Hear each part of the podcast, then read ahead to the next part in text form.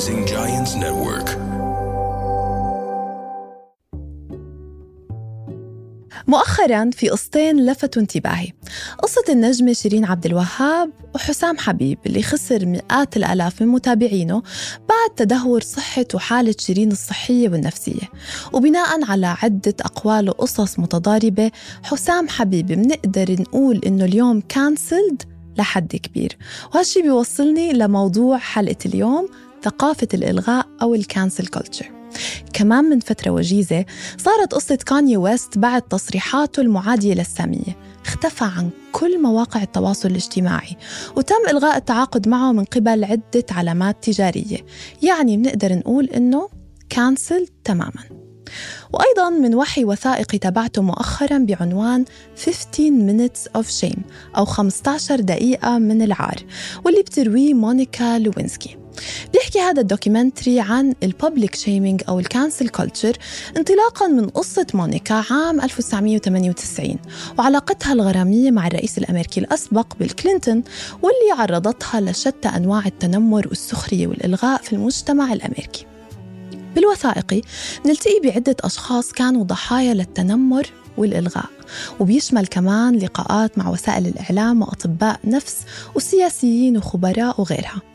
بيقابل الوثائقي شخصيات انظلمت بسبب ادعاءات ممكن تكون كاذبة.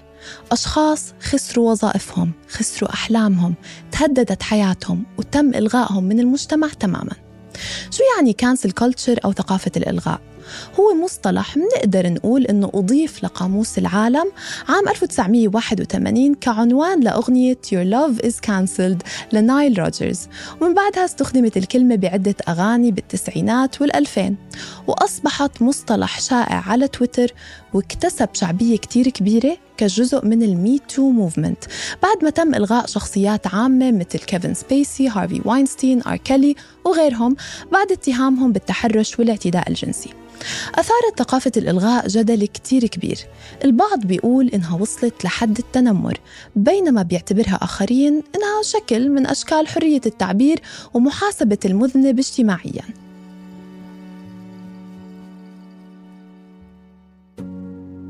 لما يصير شخص ملغي أو كانسلد هالشي بيعني إنه بتم مقاطعته سحب الدعم منه ومن مسيرته المهنية وشعبيته وشهرته وهالشي بسبب خطأ ارتكبه أو كلمة قالها اعتبرت غير مقبولة. بمعظم الحالات بيتم إلغاء شخص ما كونه مشهور وبيمتلك تأثير كبير لكنه قام بفعل مهين أو مؤذي لشخص أو جماعة. وفينا نعتبر أنه ال cancel culture هي يعني نوع من المحاكمة الشعبية بزمن ال social media.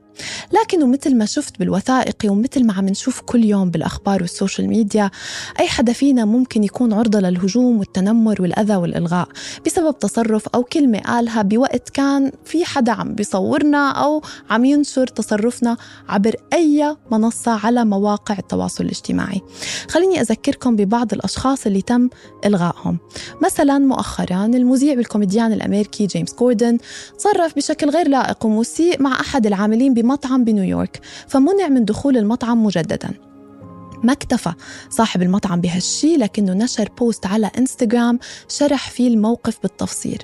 وطبعا ال post صار viral وبدأت مطالبات من أشخاص كثيرين بإلغاء جوردن وكثيرين كمان نشروا مواقف ما فينا نتأكد من صحتها طبعا بتأكد افتقاره للياقة والأدب وإساءته لإلهم. وعلى الرغم من أنه جوردن اعتذر ورفع المنع عنه وانسمح له يزور المطعم من جديد إلا أنه فينا نقول أنه cancelled ولو بشكل مؤقت. مين فينا ما بيتذكر كمان صفعة ويل سميث الشهيرة لكيفن هارت بحفل توزيع جوائز الأوسكار هالسنة. بحسب سميث الصفعة كانت دفاع عن زوجته جيدا بينكت سميث. بعد نكتة تقيلة شوي سخر فيها هارت منها بسبب قصة شعرها ويل سميث اعتذر كتير على الخطأ اللي ارتكبه وشدد إنه بينبذ العنف. لكن من بعدها استقال من دوره بال Academy وتم منعه من حضور حفل توزيع جوائز الأوسكار لعشر سنوات.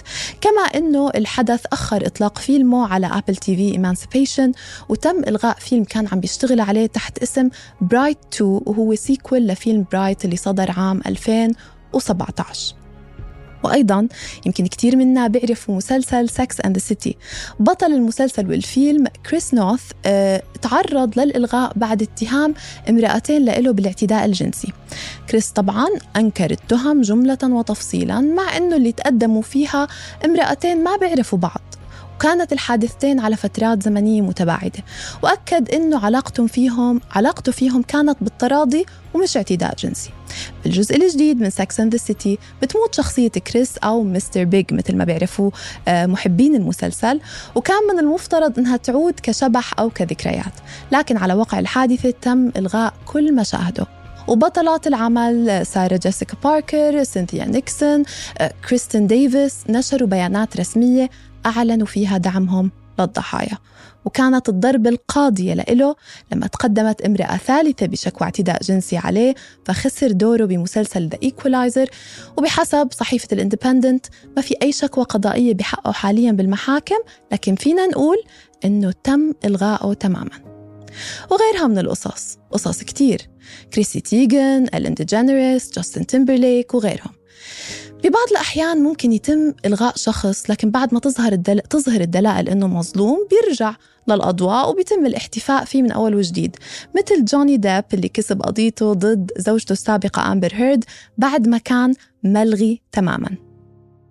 شخصيا بفهم وبقدر كتير إنه وجود ثقافة الإلغاء اليوم له جانب إيجابي ومضيء فهو أسلوب لمحاسبة أو معاقبة الشخصيات العامة اللي بترتكب غلط كبير أو بتعمل تصرف مهين خاصة في حال غياب القضاء والقانون وهي قادرة إنها تحدث تغيير فعلي لحتى ما يفكر الجاني ألف مرة قبل ما يغلط خوفا من الإلغاء.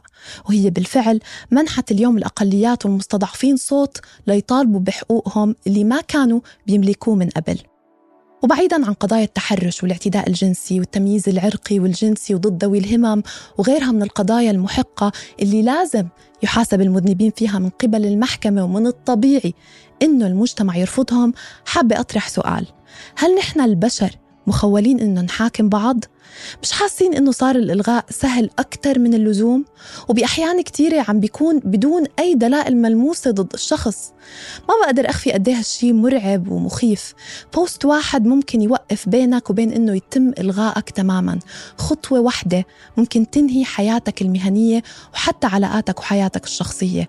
وبزمن ال fake news وال fake accounts ممكن يتعرض كتير من الأشخاص للظلم. وبيوم وليلة تنهار حياتهم تماما. وحتى بحياتنا كأشخاص عاديين نحن كمان معرضين للإلغاء بسبب كلمة قلناها تصرف post على ال social media وكأنه ثقافة الإلغاء صارت جزء طبيعي من حياتنا. والأهم شو هي المعايير؟ شو هي الضوابط اللي من خلالها بنحدد هل هالشخص بيستحق أنه نلغيه أو لا؟ وهل هو وسيلة للمحاسبة فعلا؟ أم هي وسيلة للتحكم وإجبار الشخصيات العامة إنها تتبنى أفكارنا إحنا وقناعاتنا إحنا؟ أسئلة كتير مش هدفي منها ألاقي جواب محدد لكن هي دعوة لكل حدا فينا إنه نفكر ونبحث بالمصادر ونتأكد قبل ما نلغي شخص سواء كان مشهور أو لا. ولو قررنا فعلا إنه بيستحق الإلغاء يمكن أفضل نبعد بصمت بدون تنمر بدون تجريح.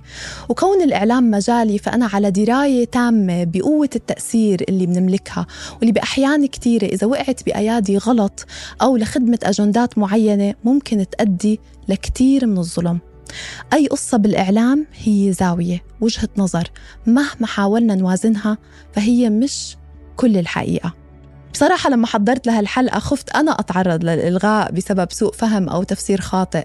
ممكن حدا ينزعج من كلمة قلتها ويطلق هاشتاج وبكل بساطة بصير كانسلد بس لأنه في البعض اختلفوا معي بالرأي. ما بعرف لو هذا الإشي صح لكن اللي بعرفه أنه هالخوف عن من التعبير مش صحي ابدا. ولو كانت ثقافة الإلغاء شكل من أشكال الديمقراطية ليش بكثير من الأحيان بتصير ترهيب وإقصاء؟ شو رأيكم أنتم بال cancel culture وهل بتعتبروا إنها تجاوزت الحدود اليوم؟ شاركوني آرائكم بشوفكم بالحلقة الجاية.